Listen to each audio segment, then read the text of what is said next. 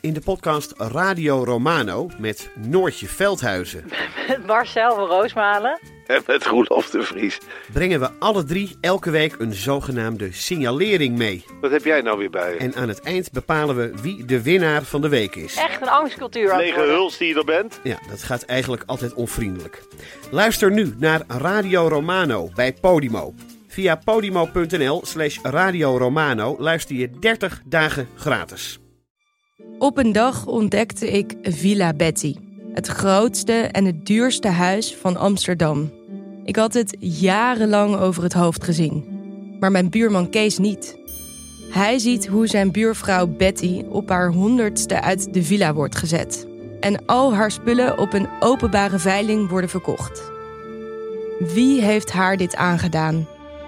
Ik ben Floor Doppen en in mijn podcast Villa Betty ga ik op zoek naar Betty's erfenis. Luister nu in je favoriete podcast-app.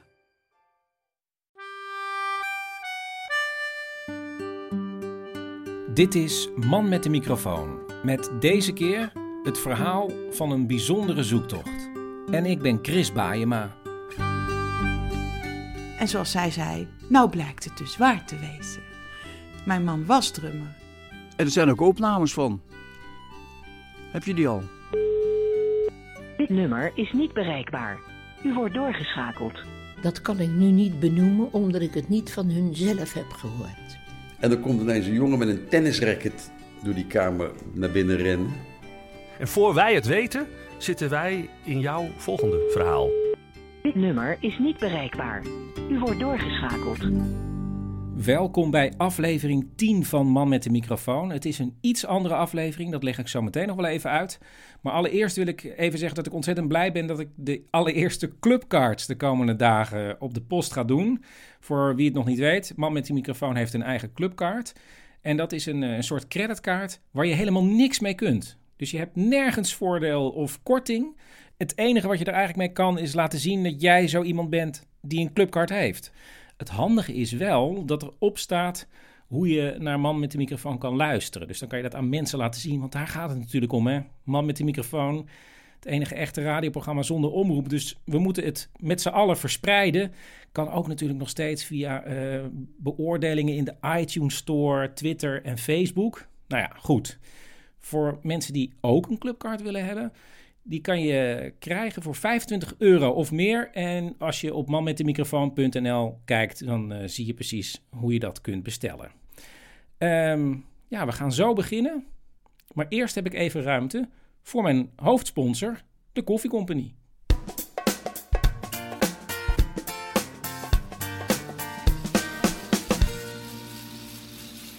Dit is het geluid van de koffie die ronddraait in een apparaat. Het ziet eruit als een soort 19e eeuwse locomotief. En hier is brander Nathan Streuning op zoek naar de perfecte smaak. Hoe lang en op welke temperatuur moet deze Colombiaanse koffie gebrand worden?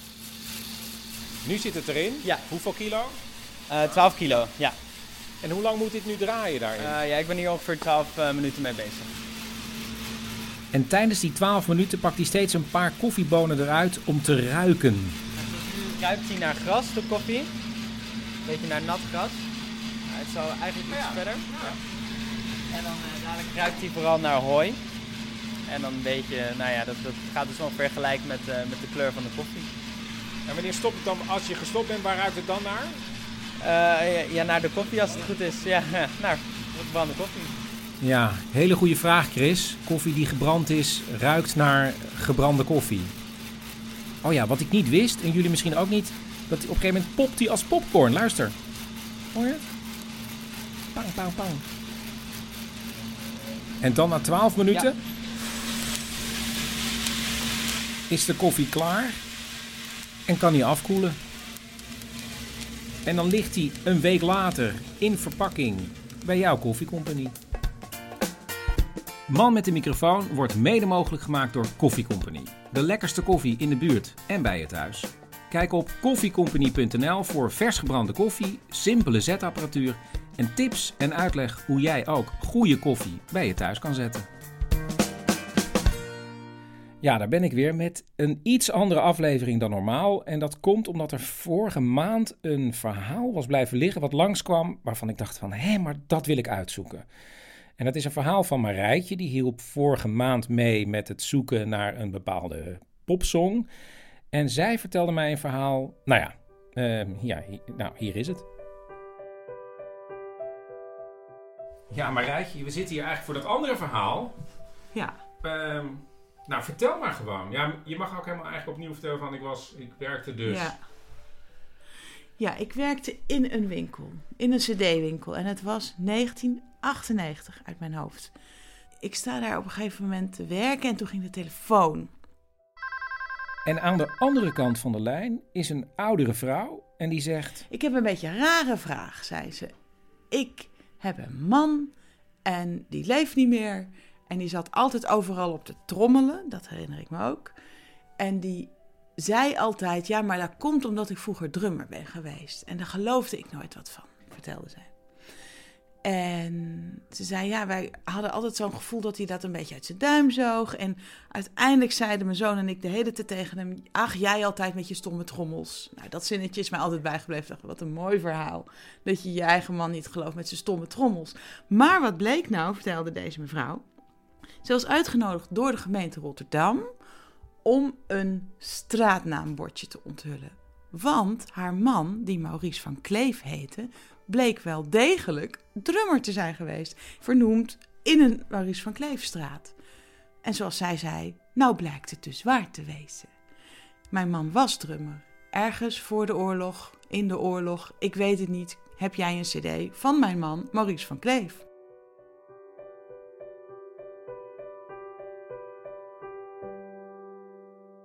Ik vond dit zo'n intrigerend verhaal dat ik dacht: ik wil gewoon weten wat er achter dit telefoontje van meer dan 20 jaar geleden allemaal verborgen zit. En daarom is dit een aflevering over een zoektocht en wat ik onderweg allemaal tegenkwam. En ik moet ook even zeggen: het is niet echt geschikt voor jonge luisteraars. Oké, daar gaan we. Marijtje vertelde me dat ze in die tijd contact had gehad met het uh, Nederlands Jazzarchief. En uh, dat bestaat nog steeds. En zij sturen mij de eerste informatie op over Maurice. En dan vooral wat hij muzikaal allemaal door de jaren heen gedaan heeft. En daaruit blijkt dat hij ooit begonnen is als tamboer bij een muziekvereniging. En in 1924, hij is dan pas 16 jaar, speelt hij al mee in het theaterorkest in Tuschinski van Max Tak. En eind jaren 20, begin jaren 30 toert hij met verschillende jazzmuzici door Europa. En halverwege de jaren 30 speelt hij met twee bekende Afro-Amerikaanse muzici, namelijk Coleman Hawkins en Freddie Johnson.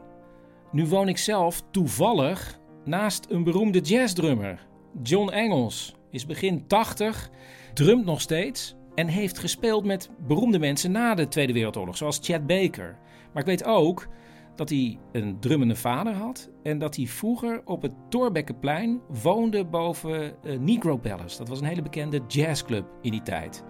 Dus ik ben naar hem toe gegaan om te kijken of hij misschien Maurice een keer heeft ontmoet. Ja, maar Maurits van Kleef, even, even doordenken. Maurice. Maurice.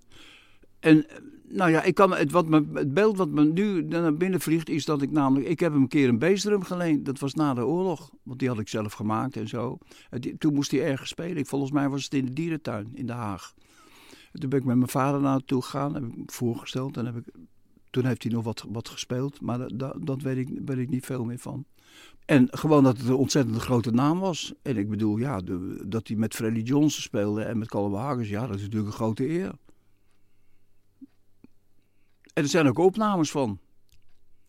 Heb je die al? Ja, ik heb één opname.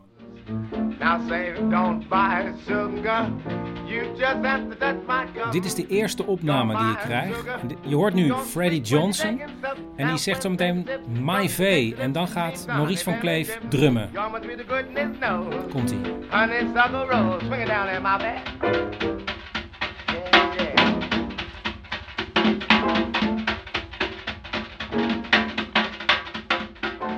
Volgens John heeft Maurice dus na de oorlog ook nog even gespeeld. Maar ik ben benieuwd naar die wereld van de jazz in de jaren 30 en in de oorlog.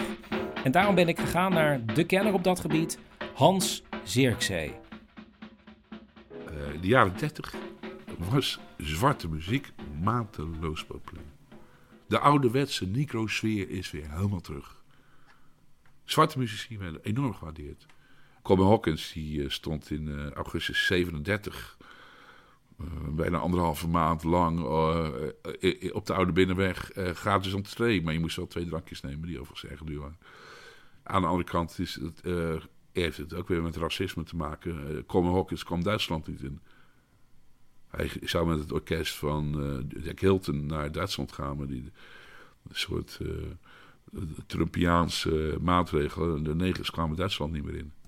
Dus hij bleef in, het, in, in Denemarken en Nederland. Die, die, eigenlijk die uh, racistische maatregelen is, uh, is de oorzaak van een gigantische opleving van de jazz in, in Nederland. En die opleving gold niet alleen voor de jaren 30, maar ook voor de Tweede Wereldoorlog. Ja, en dat, dat is de paradoxale positie van de jazzmuziek tijdens de Tweede Wereldoorlog is echt een fenomeen. Dat is echt bizar voor woorden, want in de Tweede Wereldoorlog stond het amusement, uh, dat hebben we niet alleen over jazz, het stond het amusement op een absoluut, uh, kwantitatief gezien op een absoluut hoogtepunt. Er waren nog nooit zoveel concerten geweest. Iedereen ging uit. Hoe komt dat?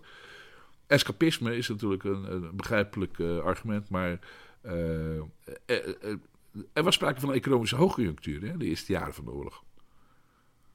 Ik ga het niet mooier maken dan het is, maar het was wel zo. Kijk, voor, voor de Joden was het natuurlijk een barre tijd. Maar voor de gemiddelde Nederlander was, ging het goed. Alleen, alles was op de bon. Het distributiesysteem. Dus men had geld en kon het niet uitgeven. Dus men ging stappen.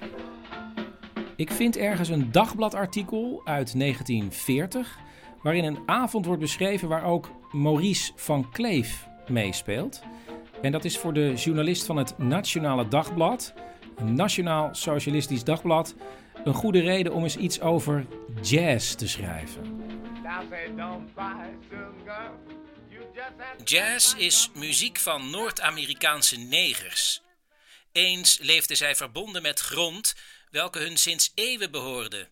Het zwarte werelddeel waar de mensen oorspronkelijk zijn en de felheid der driften overgaat van geslacht op geslacht. Toen werden zij weggevoerd uit het land waarmee maar ze de Amerikanen hadden een grenzeloze verachting voor de negers en te weinig cultuur om deze muziek te zien voor wat zij was: de kreet van een gepijnigd ras. Wie onzer zal er zich over verbazen dat het vooral Joden waren die op deze muziek kwamen azen en aan naar best vermogen toe medewerkten om het geheel een zo schreeuwerig mogelijk aanzien te geven. En dan wordt er ook nog als volgt geschreven over de Joodse muzikanten die die avond optraden, waaronder dus Maurice van Kleef. Aan walgelijkheden gingen ze zich vooral te buiten. Een danspaar en een negental dat zich Europa's beste jazz-improvisators liet noemen. Joden, Joden en nog eens Joden. En dit weten we intussen wel. Als een kleine Jood in de gelegenheid gesteld wordt zich te laten gaan, zal hij het niet laten. En juicht men hem dan ook nog toe, dan is hij in het geheel niet meer te houden. Alzo toonden Joden en Jodengenoten hun oeraard op dit festijn, waarvan een Jood de artistieke leiding had. In 1941 wordt het orkesten verboden om nog langer Joodse muzikanten in dienst te nemen. En uh, er ontstaat een zogenaamd Groot Joods Amusementsorkest van Joodse muzikanten. En die mogen dan alleen maar spelen voor Joodse mensen. En dat is in de Joodse Schouwburg wat nu de Hollandse Schouwburg is, het monument voor de Jodenvervolging in Nederland. En ik zie dat eind 1941 Maurice van Kleef ook in dat orkest gespeeld heeft. En de journalist van dat rare artikel over jazz in het Nationale Dagblad, die wordt hoofd van de afdeling van de cultuurkamer die de muziek moet regelen. En die stelt in 1942 een zogenaamd jazzverbod op. Er kwam dus in opdracht van de uh, cultuurkamer kwam er dus een, verbod op negroïde en negritische muziek. Er komt een lijst met kenmerken van jazzmuziek en er komen inspecteurs die dat moeten gaan controleren. Oerwoudgeluiden, de growl, de, de, de, de, shake, bepaalde effecten, muzikale effecten, die, die staan gewoon op papier verboden door, door de cultuurkamer. Maar ja, los van de kennis van die, van die inspecteurs, om ze zo maar te noemen, waren er ook veel te weinig. Dus dat jazzverbod heeft nooit effect gehad. Ze, en kwam er zo'n NSB'er of iemand van de cultuurkamer binnen, dan gingen ze allemaal Duitse walsjes spelen. ja, ja, dus de jazz, of de amusementenmuziek, die stond op een absoluut hoogtepunt. Verdiende klauwen met geld. Het is nog bizarder als je weet dat de orkest van Ernst van het Hof in 1941, die speelde in Hartje Berlijn. Heeft die opnames, die bestaan gewoon. Millers in de Moed opgenomen. De Duitsers maakten 9 miljoen jazzplaten per jaar. Het was een jazzverbod. Ze maakten 9 miljoen jazzplaten per jaar voor de exportmarkt.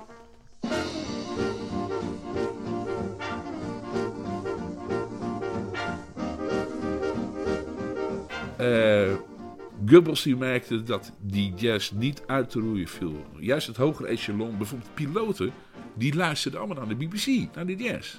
Wat dat deed Goebbels in 1943, eind 43, die ging de jazz inzetten als, in onze optiek, antipropaganda. Snap je? Dus, maar, uh, ja, dit is propaganda van, uh, voor en door de Duitsers. Je had de... de oh, dus op een gegeven moment hebben ze... Gebruikten ze jazz, ja, inderdaad omarmd, mooie term. Uh, omarmd om radio-uitzendingen uh, te bekleden met uh, ja, natuurlijk nationaal-socialistische ideeën goed en jazz. Het is niet makkelijk om uit te vinden wat er precies met Maurice gebeurd is in de Tweede Wereldoorlog. Want in een van de schaarse interviews die hij geeft na de Tweede Wereldoorlog wil hij het er liever niet over hebben. Maar via allerlei archieven en een boek over de Rotterdamse trompetist Louis Bannet kom ik tot het volgende. Op 23 juni 1942 krijgt Maurice een oproep om zich bij de Duitsers te melden. Hij is op dat moment getrouwd en heeft een zoontje van 9. En hij heeft een soort uitreisvisum naar Zwitserland. Hij heeft zijn drums bijvoorbeeld al naar Genève gestuurd. Maar voordat hij afreist, wil hij afscheid nemen van zijn ouders. En die zitten ondergedoken in een boerderij in de buurt van Scheveningen. En als hij daar is, worden ze allemaal bij een razzia opgepakt en afgevoerd. Zijn naam duikt op bij een muziekavond in Westerbork. Maar waarschijnlijk wordt hij heel snel verder vervoerd naar verschillende concentratiekampen. En dan in 1943 zit hij in Auschwitz waar hij werkt in de kolenmijnen. En als hij dan ziek is en terugkomt in de ziekenboeg, ontmoet hij daar collega trompetist Louis Bannet. En die redt min of meer het leven van Maurice, want Bannet leidt het kamporkest, heeft een tijdschrift waarin een foto staat van Maurice en weet de nazi's ervan te overtuigen dat hij deze drummer goed kan gebruiken in zijn orkest. En er is ook een dag waarop er een viertal muzikanten wordt opgeroepen, waaronder Maurice en Louis, om te spelen op de verjaardag van een hoge natie. En ze worden vervoerd naar een huis waar ze die avond moeten gaan spelen achter plantenbakken zodat niemand ze kan zien. En die avond, als ze muziek maken, zien ze voor wie dit feest is georganiseerd, namelijk voor de kamparts Dr. Jozef Mengelen. En voordat ze die avond weer worden teruggebracht, weten ze nog snel overgebleven voedsel te verstoppen in hun muziekkoffers. Daarna scheiden de wegen van Louis en Maurice zich en weet ik alleen dat Maurice op 23 april 1945 bevrijd is door de Amerikanen in Bamberg. Zijn vrouw Mietje van Kleef-Polak en zijn zoontje Isaac van Kleef zijn allebei op 19 november 1943 in Auschwitz omgekomen. Ik lees ergens dat een reden dat Maurice niet meer veel gespeeld heeft na de oorlog zou kunnen zijn dat hij te veel heeft meegemaakt. Maar ik kom er niet helemaal uit, want er zijn nog wel een paar optredens waar ik zijn naam zie opduiken. Het zou ook gewoon kunnen zijn dat er niet veel werk was in de muziek. Na de bevrijding, wij, wij associëren die bevrijding met de muziek van, van uh, Glenn Miller, uh, swing en vreugde. En dat is uh, volkomen onzin eigenlijk, want het stortte inderdaad volkomen in. Dat was de slechtste periode voor wat de jazz betreft. Sinds het begin, begin sinds het debuut van de jazz in, in Nederland. Ten eerste er was er een enorm welvaartsprobleem, een enorme armoede. Er was ook de babyboom. De bevrijding, zeg ik wel, werd niet alleen op straat geweerd. Dus werd zwaar aan huis gekluisterd. De belangrijkste jazzbands gingen met de geallieerden mee. Ander element waardoor die jazz uh, na de bevrijding instortte, is A, de, de nieuwe radio. Want de radio Bevrijd Nederland, daar konden we dan luisteren in Eindhoven uh, 44. Veel jazz, ontzettend veel jazz. Uh, 46 is er geen jazz meer te horen op de radio, want het beschavingsoffensief van de overheid. De jeugd, met name de jeugd, was in het laatste oorlogjaar volkomen losgeslagen. Veel mensen hebben het er niet over, maar het was complete allergie. En als je je verplaatst in die positie, je hebt honger, dan jat je een brood. Dan sla je iemand neer voor een prakkie. Dus de jeugd was losgeslagen en die moesten zeker niet naar de jazzmuziek luisteren. Die moesten weer terug in het gareel. Dus de jazz floreerde tijdens, uh, uh, tijdens de bezetting. En dan de zogenaamde bevrijding stort het voorkomen in. En dat heeft ook uh, een, een, natuurlijk invloed op de, op de arbeidsmarkt gehad. In mijn verzamelde papieren lees ik dat Maurice na de Tweede Wereldoorlog vrij snel is hertrouwd en al in 1946 een zoontje krijgt. En waarschijnlijk is deze tweede vrouw degene die ooit belde met Marijtje. En nu weet ik niet zeker of die tweede vrouw nog leeft, maar die zoon misschien wel. Maar wat ik ook probeer, hoe ik ook zoek, ik vind niks. Ik doe een oproep op Facebook en dan meldt zich opeens iemand daar van het radioprogramma Adres Onbekend. En ik denk, ja, waarom niet? Het eerste zoekprogramma van Nederland kondigt zich aan. Adres Onbekend. Help Adres Onbekend zoeken. 0800 30 30 300. En daar zit ik dus in de studio en leg allereerst iets uit over man met de microfoon. Uh, iPhone of uh, tablet uh, beluisteren. Waardoor je dus verhalen voor altijd krijgt. Ja. En voor wij het weten, zitten wij in jouw volgende verhaal. Ja, want dit, dit neem ik ook allemaal op. En dit komt in mijn volgende aflevering. Dus het was voor de Tweede Wereldoorlog een wereldberoemde jazzdrummer? Ja, hij drumde echt met de beste uh, Amerikanen die hier dan uh, in Europa langskwamen. En zijn eigen vrouw wist dat niet? Nee, en ik denk dat het dus een tweede vrouw is geweest. Die dat. Uh, en ja, bij zo'n programma kan het dus heel snel gaan. Wij zien dat Maurice is geboren als Moses van Kleef. We komen hem tegen als Maup of Maurits. Getrouwd met een Mietje Polak. Maar zij is, net als hun zootje Isaac, vermoord in Auschwitz. Dit wist zij ook wel deels, denk ik. We zien ook dat Maurice na de oorlog is hertrouwd. Dus dan pakt hij een nieuw huwelijk op met mogelijk een Betty. En dat zou dan misschien wel, dachten wij, de weduwe uit jouw verhaal kunnen zijn. Ja. Die toen gebeld heeft van, goh, ik wil meer over dat trommelen weten van mijn man. Nou, ik heb hier een overlijdensadvertentie. Ja, die kon ik al niet vinden. Nou, dit is een overlijdensadvertentie oh, van Betty. Dus niet van Maurice zelf, want die hebben wij ook nog niet. Maar in die en dan nog geen uur later. Even naar Chris Bijema. Nou, wat zullen we doen? Ik zal je zeggen, Chris, dingen kunnen heel erg snel gaan. Ik heb net in mijn oortje gehoord dat hij helaas niet aan de lijn kan komen. Niet. Maar we hebben een directe nabestaande gevonden van Maurice, namelijk zijn zoon, Jack van Kleef. Daar wil ik voor klappen, jongens, want het is echt heel goed. Er is ook een huishoudster die gewerkt heeft voor Maurice van Kleef. En die daar heel veel heeft meegemaakt met dat trommel op Hoe lang duurt zo'n programma van jou? Nou, ik, ik kan zelf bepalen hoe lang het duurt, maar ongeveer... Uh, ja, hoe lang gaat dit worden? Zo maar ik ben bang drie kwartier kan ja, dat? zoiets. Ja, dat zou Eenmaal thuisgekomen bel ik het nummer van zoon Jack. Dit nummer is niet bereikbaar. Maar die U wordt is doorgeschakeld. niet bereikbaar. En daarom ga ik eerst langs bij Edith de Pauw, die in 1954 een jaar lang huishoudster was bij de Van Kleefs. Wat weet u van de familie van Kleef? Hoe bent u in aanraking gekomen? Uh, op een advertentie. Ze vroegen om uh, huishoudelijke hulp. En ik werd gelijk aangenomen. Hoe oud was u toen? 19. Ik ben nou 83. Textielzaak hadden ze. Bemaya heette die zaak. Wat betekende dat? Geen idee. Ik heette Bajema. Oh? Is dat niet raar? Ja. Hun heette Bemaya.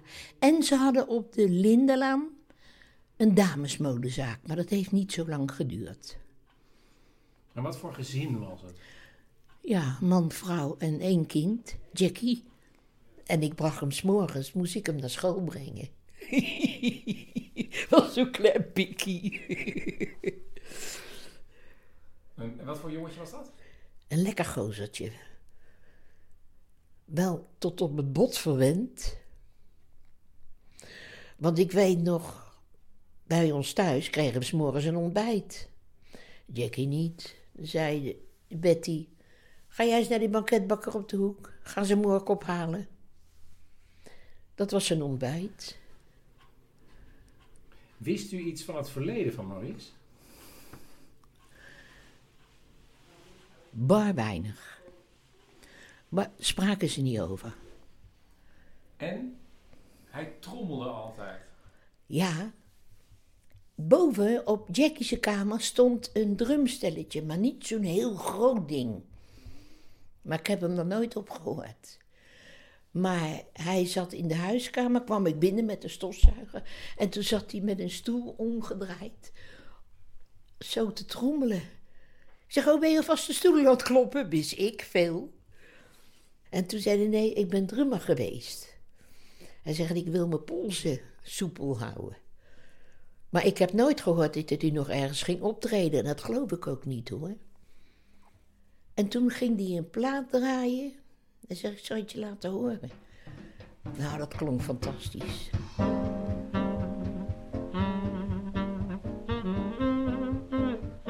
Wanneer ik zeg dat mijn zoektocht begon bij een straatnaam die naar Maurice is vernoemd, reageert mevrouw de Pauw heel verbaasd, want zij wist dat ook niet. Joh. Nee. Ik vind de rotstad Rotterdam. Hij heeft wel een straat. Dat vind ik gaaf. En heet hij Maurice van Kleefstraat? Oh, wat goed zeg.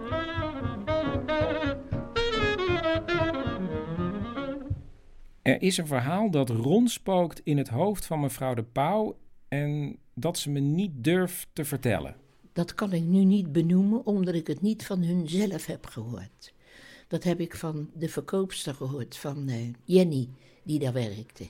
Dus als het niet waar is, dan zit ik mooi voor joker. Ja, toch? Ik beloof dat ik het verhaal eruit laat als er helemaal niks van waar is. Het gaat over Betty van Kleef, die net als Maurice Joods was, en wat zij op een dag meemaakte in de Tweede Wereldoorlog. Ik heb het van Jenny gehoord. Zij is opgepakt, op een vrachtwagen gezet, met gewapende Duitsers of Hollandse NSB'ers, dat weet ik niet. Daar had ze een klein babytje bij de onder de jas. Maar ze vermoeden al wat er met hun ging gebeuren. En het was in de winter met grote bergen sneeuw. En volgens dat verhaal, wat ik toen hoorde, heeft ze die baby uit haar jas gehaald en in zo'n berg sneeuw gegooid. Toen die mof even niet keek. Ik weet niet of het kindje ooit gevonden is. Weet ik niet.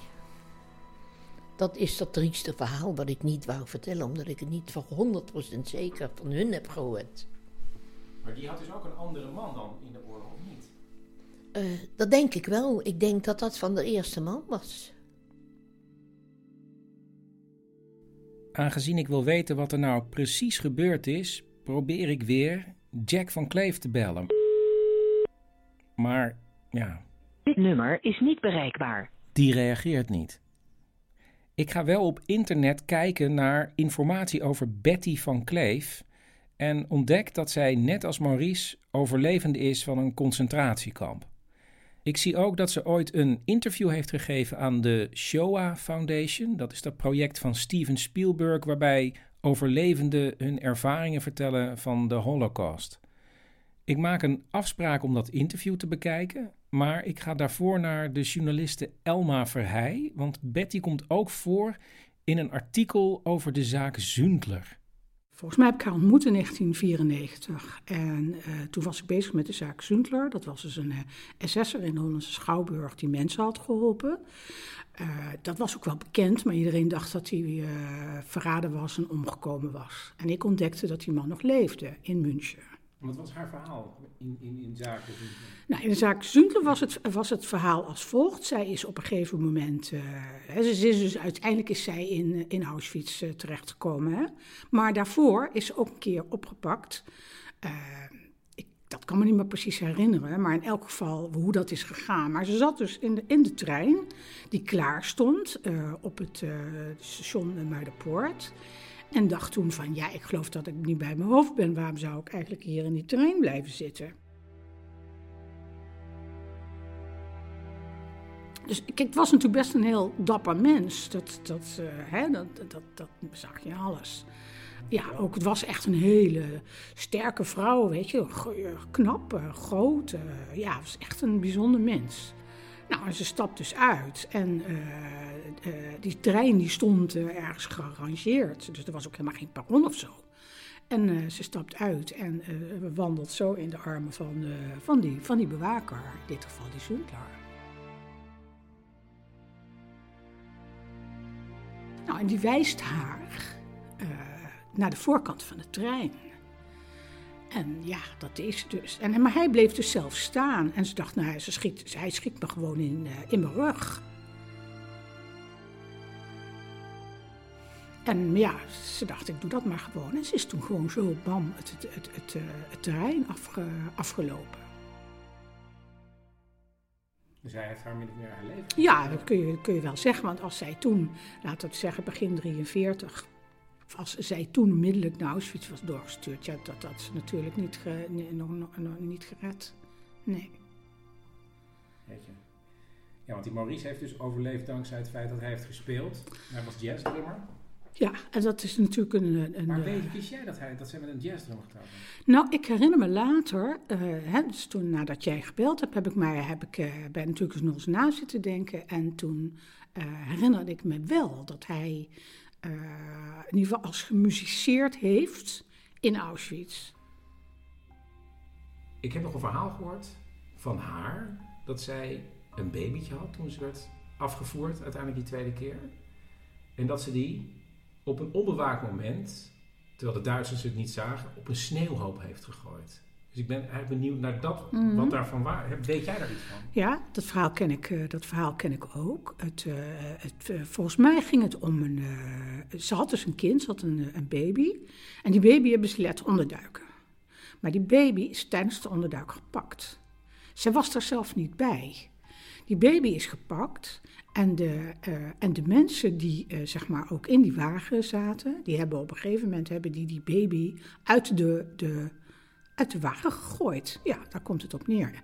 Dus die uh, auto maakt een bocht, een flauwe bocht, en daar hebben ze die baby in de sneeuw, in de sneeuw opgegooid. Nou, die baby is dus, uh, uh, die hebben ze ondergebracht in het, in het burgerweeshuis. Dat was heel duidelijk dat het een Joods kind was, want het was besneden. Maar er werd dus gezegd van nou, dit is een vondeling. En uh, ja, vondelingen, nou ja, dus, dus eigenlijk werd die ontjoodst, zal ik maar zeggen. Door het feit dat het een vondeling was. En nou ja, dus ze hebben dat zo gelaten. Op die manier heeft het jongetje de oorlog overleefd. Maar niemand wist natuurlijk, ja, wie is dit kind? Ze hadden daar geen idee van. Toen, toen Betty terugkwam uit Auschwitz, is zij natuurlijk op zoek gegaan naar haar kind. En wat kreeg ze te horen? Ja, die is gepakt tijdens de onderduik en afgevoerd. Dus ze wist helemaal niet dat dat kind had overleefd. Nou, er zijn dus na de oorlog, zoals ze mij althans heeft verteld, zijn er dus wel uh, zijn er opsporen gedaan. Hè? Ik weet ook dat er waren meerdere kinderen waarvan ze dus niet wist wat identiteit uh, was. Nou, er zijn bijvoorbeeld, er werden dan in, in de bioscopen werden foto's van die kinderen getoond. Maar ja, zij zegt, ik heb daar ook verder nooit meer zo op gelet. Want ja, mijn kind was, was er gewoon niet. Mijn kind was dood. Dat was, uh, dat was uh, heldere zaak. Gepakt tijdens de onderduik. En uh, nou, dat was het dan. Het verhaal dat Elma me vervolgens vertelt over deze baby is zo onvoorstelbaar zo vreemd, raar en wonderlijk, dat ik toch echt de zoon van Maurice en Betty wil vinden om dat verhaal te horen. Maar die reageert niet. Nog niet. Dit nummer is niet bereikbaar. U wordt doorgeschakeld. Ik bel hier aan bij het Joods Historisch Museum.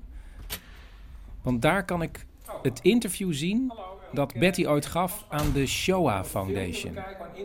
Uit het Shoah-project. En ik geloof dat ik me dan bij de dienstingang moest melden, of niet? Ik krijg een eh, kaartje zodat ik naar binnen kan. En in een klein kamertje is voor mij de film van Betty klaargezet. En het is een interview van bijna twee uur. En de audio kan ik niet gebruiken. Dan moet je, volgens mij, als ik het zou willen gebruiken, gaat daar weken of zo niet maanden overheen. Dus ik heb met een schriftje gezeten. En ik probeer nu haar verhaal te vertellen aan de hand van mijn aantekeningen. Betty eh, wordt thuis geïnterviewd. Ze zit op de bank. En ik zie een sterke, montere vrouw van begin 70. En ze begint te vertellen. Het gaat natuurlijk over de oorlog, maar ze vertelt ook over haar jeugd. Dat ze is opgegroeid in een liberaal Joods gezin waar ze eigenlijk helemaal niks aan het geloof deden. Ze kwamen wel elke vrijdag met de familie bij elkaar en bleven dan met z'n allen tot laat eten. En de enige dag dat ze naar de shul gingen was op Grote Verzoendag. En het gekke is, ze heeft nooit zich gerealiseerd dat het heel erg fout kon gaan en zag het pas toen de oorlog uitbrak. Terwijl ze bijvoorbeeld ook vertelt dat haar gezin lid werd van een Joodse groeivereniging, omdat er eind jaren 20 al geen Joden werden toegelaten bij andere verenigingen. Ze wilden het gewoon niet zien, zegt ze. We deden niets en toch waren we niet laf. Op de dag dat de oorlog uitbreekt, proberen ze nog via IJmuiden naar Engeland te komen. Maar er staan zoveel auto's dat ze weer terugrijden naar Amsterdam. Ook omdat Betty terug wil. Want haar vriend Hans is nog in het leger en ze wil in Nederland blijven voor hem. Alles gaat zo'n beetje zijn gangetje. Totdat in 1942 haar jongere broertje Harry wordt opgepakt en weggevoerd naar Westerbork. En mensen vragen ook later wel aan haar: waarom zijn jullie niet weggevlucht? En dan zegt Betty: We zijn niet weggegaan omdat mijn moeder thuis wilde blijven voor het geval Harry terugkwam. Wanneer het voor Joodse mensen onmogelijk wordt om nog met de tram te reizen, kan Betty niet meer naar haar werk. Ze gaat niet. En dat is voor haar werkgever de reden om haar aan te geven voor sabotage. En dan wordt ze opgepakt. En dat is dat verhaal van die Zündler, die haar de kans geeft om weer terug te lopen naar huis. Haar ouders zijn inmiddels wel al weggevoerd. En zij verhuist samen met haar inmiddels man Hans naar het ghetto in Oost. En daar wordt ze in 1944 opgepakt en naar Westerbork gebracht.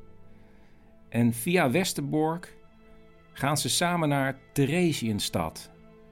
En het vreemde is, ze zegt: Ik ben met een gewone trein gegaan. En Theresienstad, dat was een beetje vakantie. We lagen daar gewoon in de zon en woonden met twee andere echtparen op een zolder. En het eten was eigenlijk wel goed, maar het was heel weinig. En ik heb na de oorlog nooit meer iets met kummel gegeten. Ze speelt ook nog als figurant in dat bekende verhaal over het Rode Kruis. Het Rode Kruis komt langs in Theresienstad en dan doen de Duitsers net alsof het een modelkamp is. En zij wordt samen met Hans aan een tafeltje gezet, wat helemaal gedekt is. En ze krijgt de opdracht één zin te zeggen. En die zin kent ze nog steeds. Als het Rode Kruis langskomt, moet zij tegen de commandant daar zeggen, terwijl ze naar haar eten kijkt: Schoon wieder eul sardien, onkel raam. Wanneer Hans wordt weggevoerd naar Auschwitz, meldt zij zich vrijwillig aan om achter hem aan te reizen. En als ze aankomt in Auschwitz, dan ziet ze meteen: dit overleeft niemand. Ze is overigens niet lang in Auschwitz, want ze wordt weer weggevoerd. Maar voordat ze weggevoerd wordt, ontmoet ze Maurice, haar latere tweede man. En het mooie is, tijdens het interview heeft ze het alleen maar over haar eerste man en haar eigen man. En haar eigen man is Maurice. Maurice komt ze tegen en daar krijgt ze een paar schoenen van. En daarna wordt ze afgevoerd naar een ander concentratiekamp.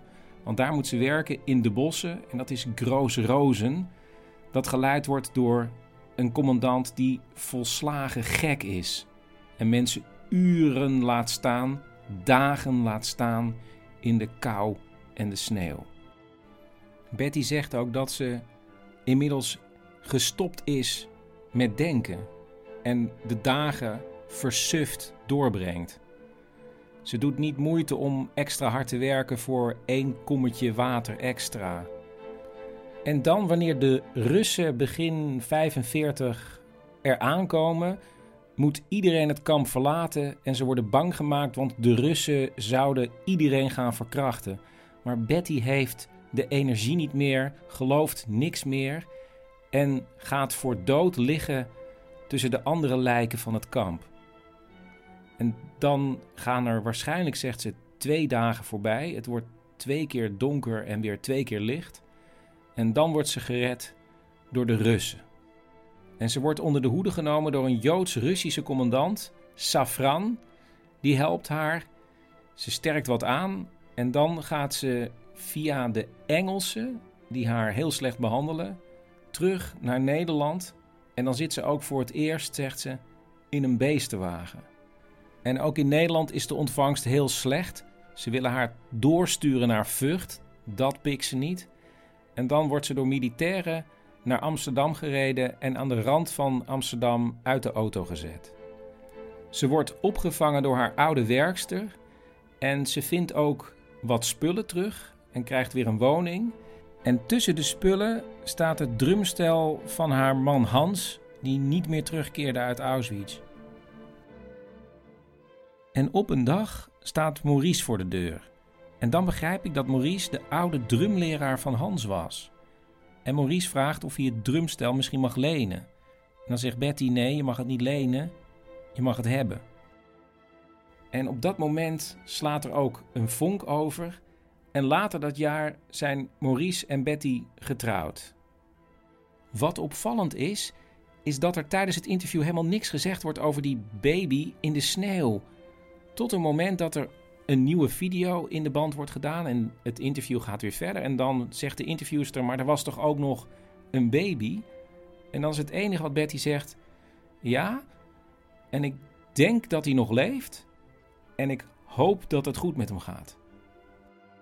Aan het eind van het interview zegt Betty dat ze alle ervaringen uit de oorlog heeft weggedouwd, omdat ze niet wilde dat de moffen alsnog de kans hadden haar eronder te krijgen. Ik ben, zegt ze, niet voor niets teruggekomen. En haar familie is alles voor haar. En dan met name de kleinkinderen. Ze zegt: Ik lig normaal nachtenlang wakker, maar als de kleinkinderen bij me logeren, dan slaap ik goed.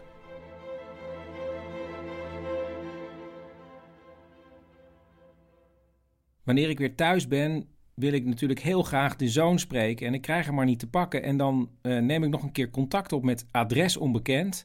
En wat blijkt dan? Ze hebben me een net verkeerd telefoonnummer gegeven. Er was ergens een nummer omgedraaid. En nu heb ik dus wel Jack te pakken. U spreekt met de voicemail. Althans, zijn voicemail. Hallo, dit is uh, Chris Baema. Uh, meneer Van probeer u al een paar dagen te bellen, maar ik had een verkeerd telefoonnummer doorgekregen. Dus ik draaide een Hij belt me terug en we maken een afspraak. Maar ik ga eerst naar Marijtje, want daar is het immers allemaal begonnen, om haar te vertellen wat ik allemaal heb uitgevonden. Ik denk dat het verhaal zoals het in het echt is, zoals het gegaan is, dat heeft zij mij nooit kunnen vertellen in die winkel. Ze heeft me natuurlijk nooit aan een telefoon uh, dit verhaal kunnen uit de doeken doen. En dan als clue, ja, kan ik een cd van mijn man krijgen. Natuurlijk heeft ze een soort samenvatting gegeven, namelijk... Goh, er, blijft een, er blijkt een Maurice van Kleefstraat te bestaan. Weet jij eigenlijk of er muziek van hem is? Die huishoudster zei, op een gegeven moment zei hij tegen haar van ja... Ik was vroeger gewoon, ik heb heel veel gedrumd. Toen heeft hij een plaat opgezet met waar hij op speelde. Ach, Ja, want het was wel zo dat ik al een titel kreeg van haar. In Holland, die wou ze hebben. Het was iets met In Holland. Ze was de LP gewoon kwijt. Dat is het. Ze was die LP kwijt. Dus ze dacht, hoe moet ik dit nou uitleggen? Dat ik die LP wil.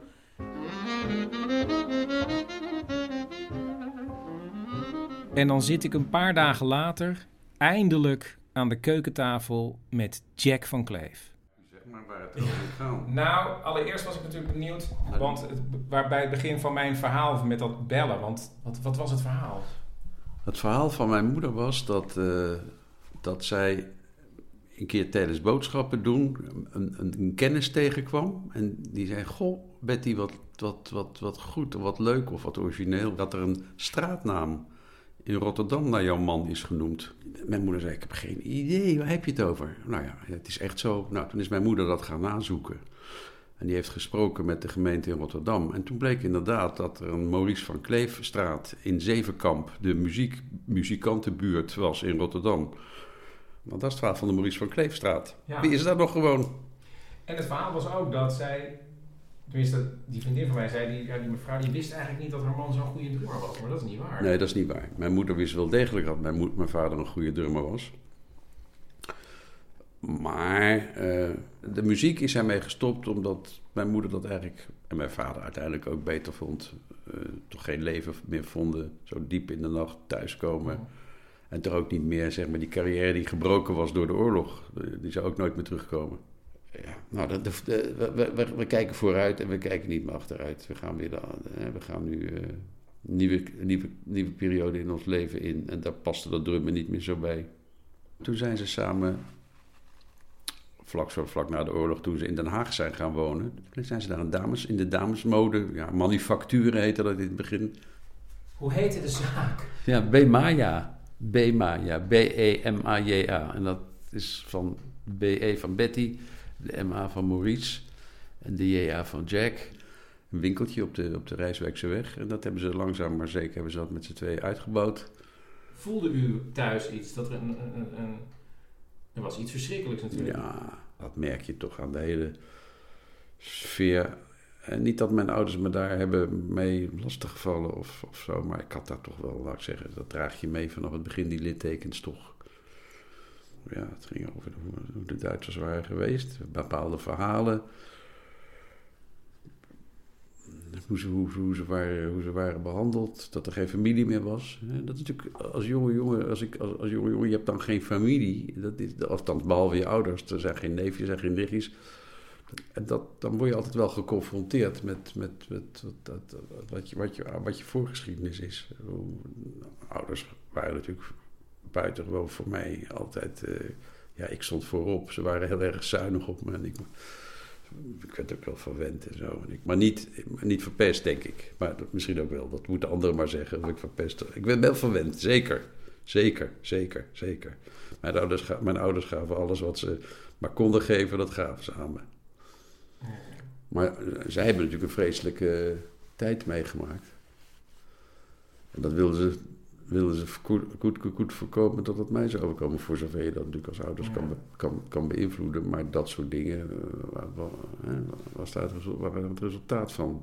Ver- verwennen. Krijgen wat ik wilde. Een auto, nog een auto, een sportauto. Maar niet, maar niet tot het extreem. Ja, dat noem ik ook wel extreem een beetje. Maar niet. vind de sportauto wel extreem voor. Vind ik ook wel, ja. Dat is ook wel, is ook wel zo. Maar het is niet zo dat ik het gevoel heb dat ik dacht, nou weet je wat, het komt wel. Ik heb altijd wel, mijn ouders vonden wel dat ik toch wel daar iets tegenover moest stellen. Ik moest wel studeren, ik moest wel resultaat behalen. En dat heb ik ook mijn best voor gedaan. En ondanks dat zijn vader geen professioneel muzikus meer is, luistert hij wel veel naar jazz en gaat ook vaak kijken bij oud-collega's. Coleman Hawkins, die kwam, mijn vader was al een tijd in de muziek gestopt. En Coleman Hawkins kwam, zou ik maar zeggen, in de 50, begin 60 jaren nog een keer in Nederland optreden. En ik weet nog dat mijn vader zei, hij kwam hem in de, in de pauze of, is hij, of na afloop eh, naar hem toegegaan. Te midden van allerlei andere mensen. En hij zei tegen, tegen mij- en mijn moeder dat hij nog nooit eerder een neger, een gedonkerkleurde man, zo wit heeft zien worden. Ik was zo verbijsterd, verrast, aangenaam dat hij mijn vader weer zag. Ik dacht dat hij dood was gegaan in de oorlog. Coleman Hawkins.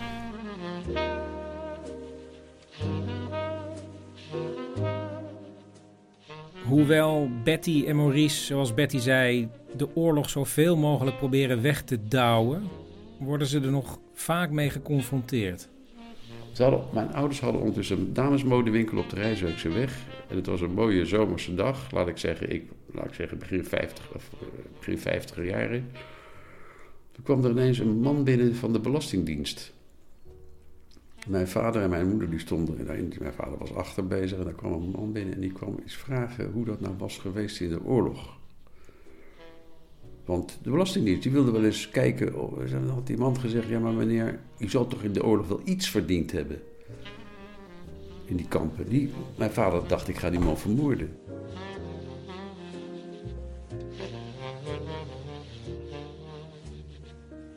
Wanneer ik tot slot vraag naar het verhaal van de baby in de sneeuw, blijkt Jack hetzelfde verhaal te vertellen als Elma Verheij. Zijn moeder had een kind gekregen, maar omdat het te gevaarlijk was, afgestaan voor de onderduik.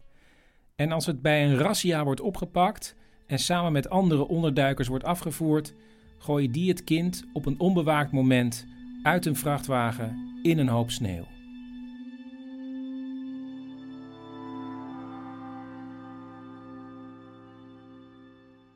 Dat kind heeft een naam gekregen. Tony van de Weteringen, zo heette die. Weteringen is naar de Weteringschans, waar die is als vondeling werd neergelegd.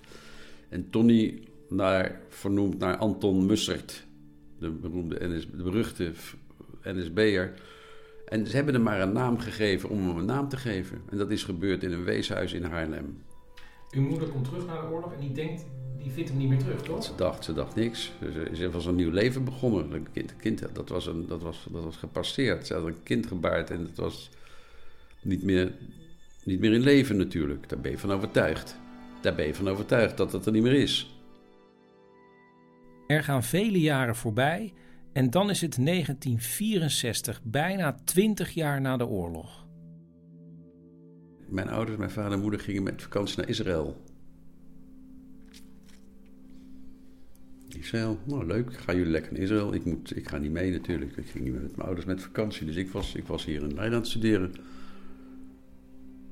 En mijn ouders die komen terug uh, nou, twee weken en ik moet, je, moet je nou toch iets raars gaan vertellen? Ga eens even zitten. Wat was het geval? Mijn moeder uh, en mijn vader maakten een uh, rondreis door Israël met een Nederlandse gids. Een Nederlandse gids, een jongen. En die waren dus in Israël rond rondrijden. Zei de jongen, die een Nederlandse familie, die was van Nederlandse, had Nederlandse ouders, zei hij. Dat God zou zo leuk zijn als u straks even een kopje koffie of een kopje thee komt drinken na dit tour, dan bij, bij mijn ouders thuis, die zouden dat ontzettend leuk vinden. Dat zijn ook Nederlandse mensen van uw leeftijd. En uh, nou, vond mijn moeder, was dus, mijn moeder kende, vond dat helemaal niks. Want die ja, vreemde mensen op bezoek en zo. Maar op de een of andere manier heeft ze dat toch gedaan. Ze is met mijn, met mijn vader, zijn ze daar een kopje thee gaan drinken. En mijn moeder zit daar zit daar met mijn vader aan de thee op een terras of in de kamer, dat weet ik niet. En dan komt ineens een jongen met een tennisracket door die kamer naar binnen rennen. En mijn moeder ziet haar eerste man lopen.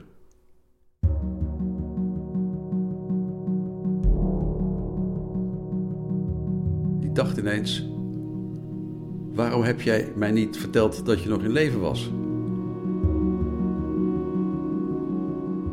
Ze zag een jongen lopen die exact haar eerste man was en die dezelfde leeftijd had toen ze hem voor het laatst gezien had in de oorlog. En deze jongen die ze nu zag lopen, was ook een jaar of 19, 20 toen ze hem zag. 22 jaar, dat was hij. 22.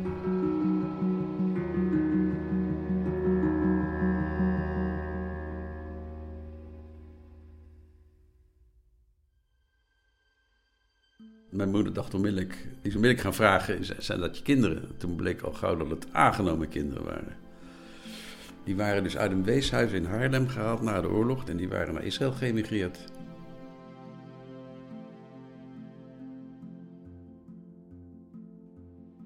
Tijdens dat bezoek aan Israël is er, bloedonderzoek gedaan.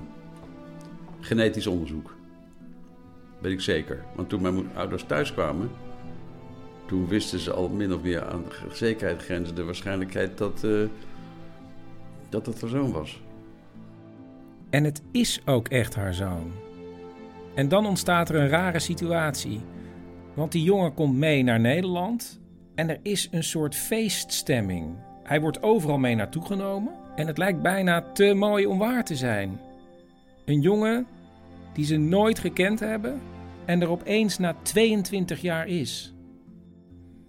En dan, na een tijdje, zegt die jongen dat hij ja, uit zijn roes ontwaakt en zich realiseert dat hij maar één echte moeder heeft en dat is zijn pleegmoeder. En dat niet Nederland zijn thuis is, maar Israël. En dan verbreekt hij al het contact. Dus dat is toch anders gegaan dan ze had gehoopt en hij misschien had gehoopt. En wat ik begrepen heb, wat ik begrepen heb, en dan maak ik een hele grote sprong. Mijn moeder is overleden eind 2013, eh, in december 2013, oudjaarsdag, nog niet zo lang geleden. Schijnt dat de jongen drie dagen, die Tony drie dagen na mijn moeder ook is overleden. Hoorde ik later weer van iemand. Dus het zijn wonderlijke dingen.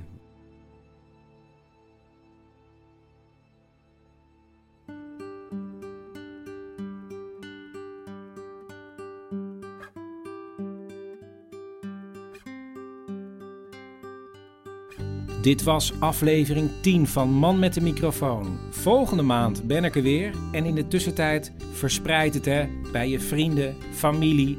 Koop een clubkaart, dan kan je op die kaart heel makkelijk laten zien hoe je kunt downloaden en zo. En hij ziet er natuurlijk gewoon heel kek uit. Um, Man met de microfoon wordt mede mogelijk gemaakt door Koffie Company en het Amsterdams Fonds voor de Kunst. En um, nou, volgens mij was dit het allemaal. Oh ja, ik heb uh, altijd uh, nu iets aan het einde. Hè? Het is iets vrolijks. Nou, echte jazz, dat improviseren, daar hou ik niet van. Dat trekt me niet. Maar Clem Miller, hè.